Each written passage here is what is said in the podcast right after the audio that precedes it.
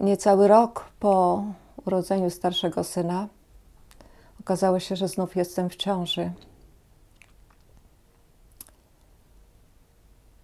To była dla mnie wielka trauma. Byłam pozostawiona samej sobie, mężu nie miałam oparcia. On już wcześniej był odpowiedzialny za nasze małżeństwo, za naszego syna. A teraz przecież odpowiadał podobnie jak ja za to poczęte życie. I milczał, sama musiałam podjąć decyzję. W moim sercu, w sercu był wielki bunt, wielka złość na niego, że zostałam z tym sama. Nie miałam oparcia też w mojej mamie. W moim środowisku nie było zaufanej osoby, z którą mogłabym porozmawiać, poradzić się, która mogłaby mnie ustawić w tym wszystkim. Zresztą w tym czasie aborcja w Polsce była legalna. Mówiło się o aborcji, o zabiegu, nie mówiło się o zabiciu dziecka. Było mi bardzo trudno, jestem osobą wierzącą. I już wtedy to był dla mnie ogromny dylemat. Ale jednak zdecydowałam, że moje dziecko się nie urodzi. Nie miałam do tego prawa. Nikt nie dał mi tego prawa, żeby decydować o tym, czy życie, które rozwijało się pod moim sercem, dziecko, które powinno czuć się bezpieczne, że ono się nie urodzi. Przecież to Bóg, Stwórca, miał dla tego dziecka, dla mojej córeczki, niepowtarzalne, niezwykłe powołanie, niezwykły plan, który miała realizować. Mogła być wyjątkowo. Mogła zachwycać Boga, mnie, swoją matkę, ludzi, obok których by żyła swoim pięknem, a ja zdecydowałam, że się nie urodzi. Zadała mi tak straszny ból. Umierała w takim strasznym cierpieniu, w takich mękach.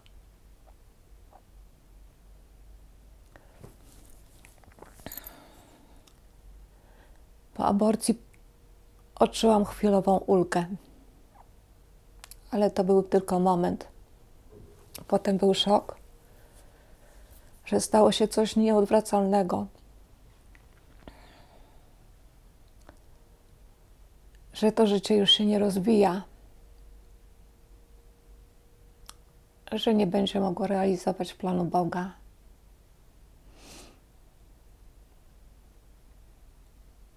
Miałam straszne poczucie winy, straty. Było mi bardzo wstyd. Ciągle analizowałam to, czy naprawdę to dziecko nie mogło się urodzić. Przecież już w chwili, kiedy dowiedziałam się, że jestem w ciąży, byłam z tym dzieckiem związana. Nie mogłam nie myśleć o tym, że jakie ono będzie, jak będzie wyglądać jakim będzie dzieckiem, czy jakie będzie miało oczy, włosy. Nie mogłam nie myśleć o tym, jakim będzie dorosłym człowiekiem, kim będzie, może kimś wyjątkowym.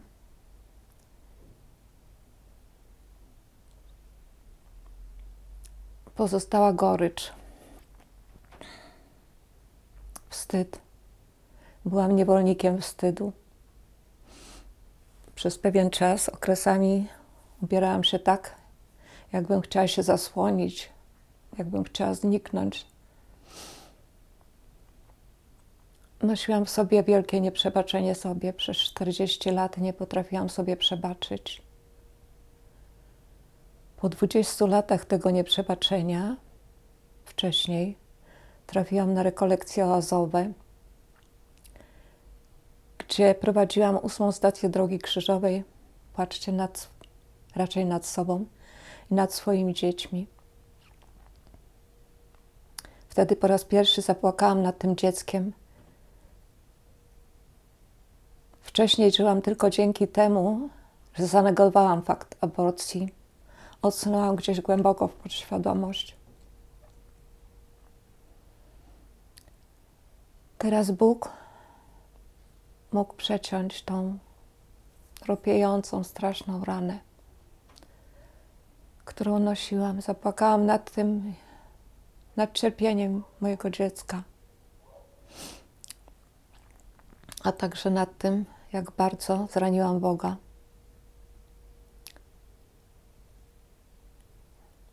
Przez cały czas, pomimo tego, że odsunęłam fakt aborcji w podświadomość, skutki trwały. Byłam jak ta kobieta pochylona, ewangeliczna. I po 40 latach tej mojej pustyni, tego związania, Bóg zaprowadził mnie na, na rekolekcję, nowe życie w trąbkach wielkich. Później zdałam sobie sprawę, że już nowe życie i trąbki wielkie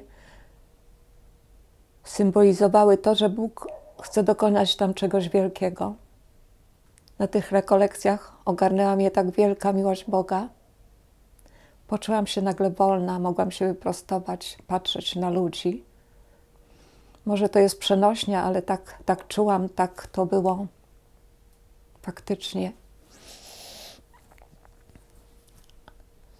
Aborcja jest strasznym złem.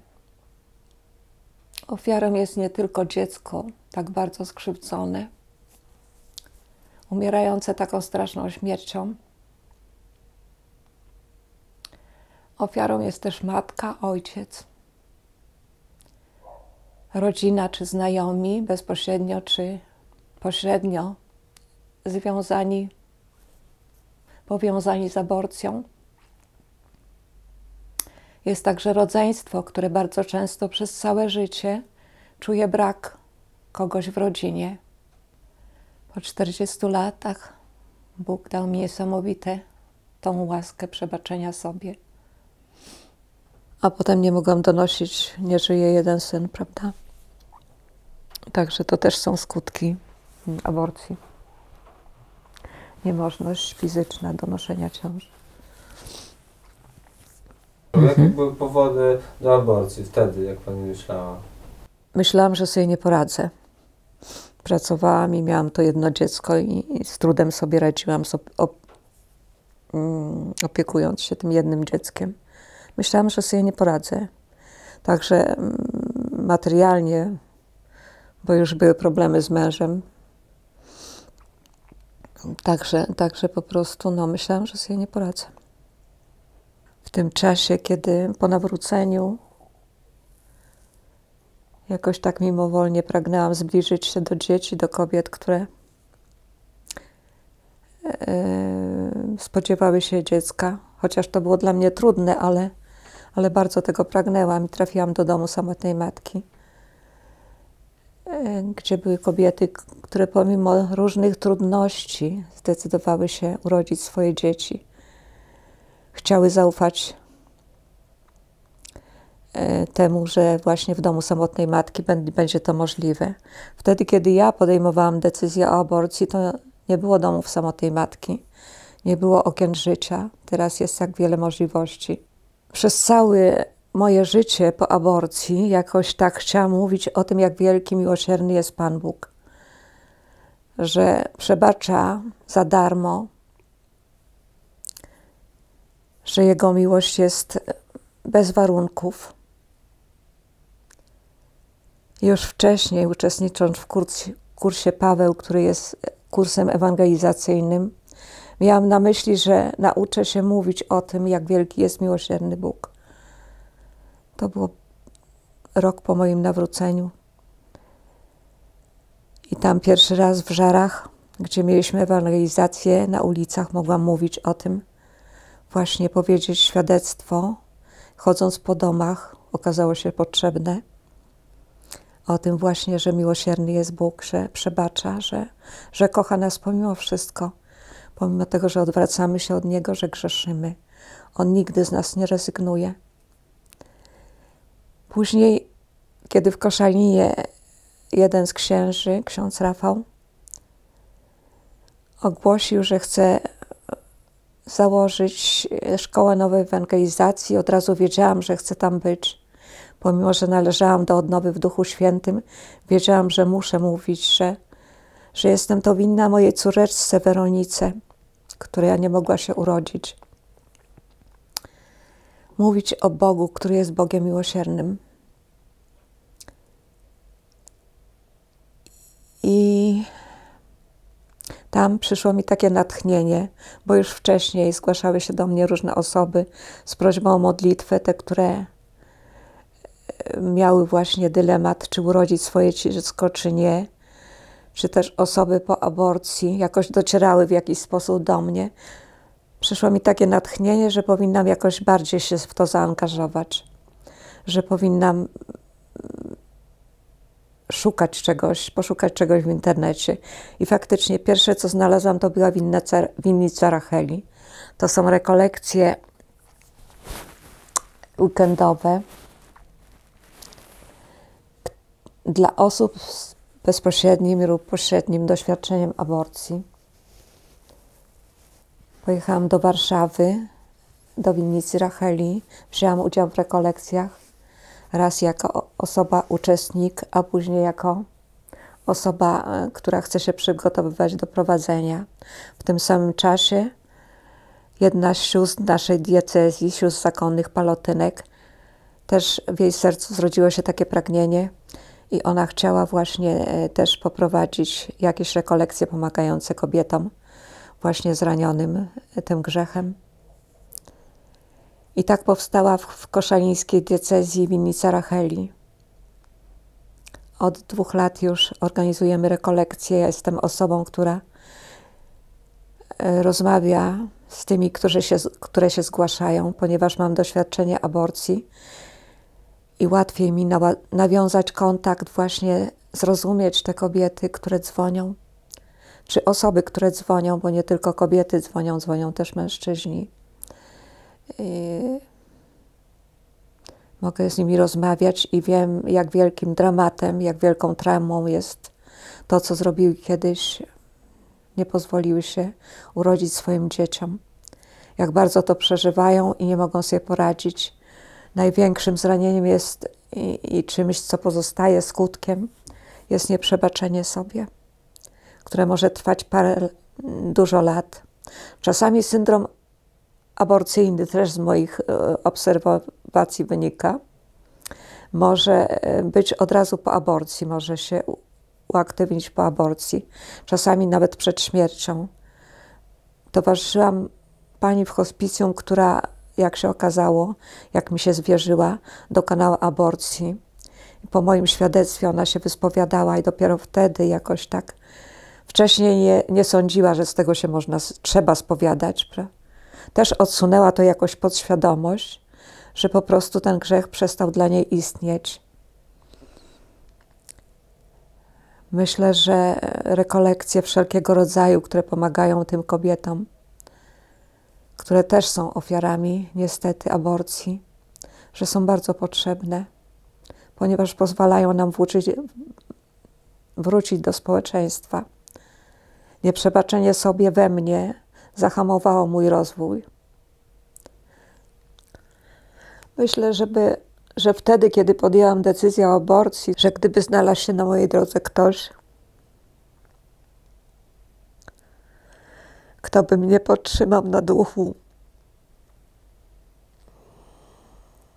wsparł mnie psychicznie, gdyby były wtedy badania USG, w którym można by usłyszeć jak bije serce dziecka, że wtedy do aborcji nie doszło. Wtedy wydawało mi się, że jestem w sytuacji bez wyjścia. Skutki aborcji, które dotykały mnie, dotykają innych kobiet, z którymi mam kontakt, które, z którymi rozmawiam, naprawdę są ogromne i różnorodne. Aborcja jest strasznym złem. I mogę o tym mówić w sposób pewny, ponieważ to przeżyłam. I wiem, jak przeżywają to osoby, które docierały w jakiś sposób do mnie, z którymi rozmawiałam. Była osoba parę lat temu, która miała myśli samobójcze, ja jej towarzyszyłam. I pomogłam jej wziąć udział w rekolekcjach, gdzie uzyskała pomoc. Ale to naprawdę była traumatyczna sytuacja i, i myślałam, było mi bardzo trudno. Jakoś tylko z pomocą Boga mogłam wytrwać w tym, żeby, żeby ją podtrzymać na duchu. Tym bardziej, że to była e, mieszkała na południu Polski i, i, i, tylko korespondencyjnie rozmawiałyśmy, telefonicznie rozmawiałyśmy, kontaktowałyśmy się właśnie przez internet.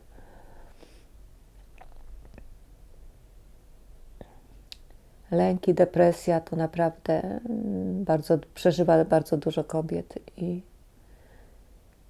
i one nawet potrzebują pomocy farmakologicznej, nie tylko jakiegoś takiego wsparcia ze strony osób, które, życzliwych osób, y, które chciałyby im pomóc.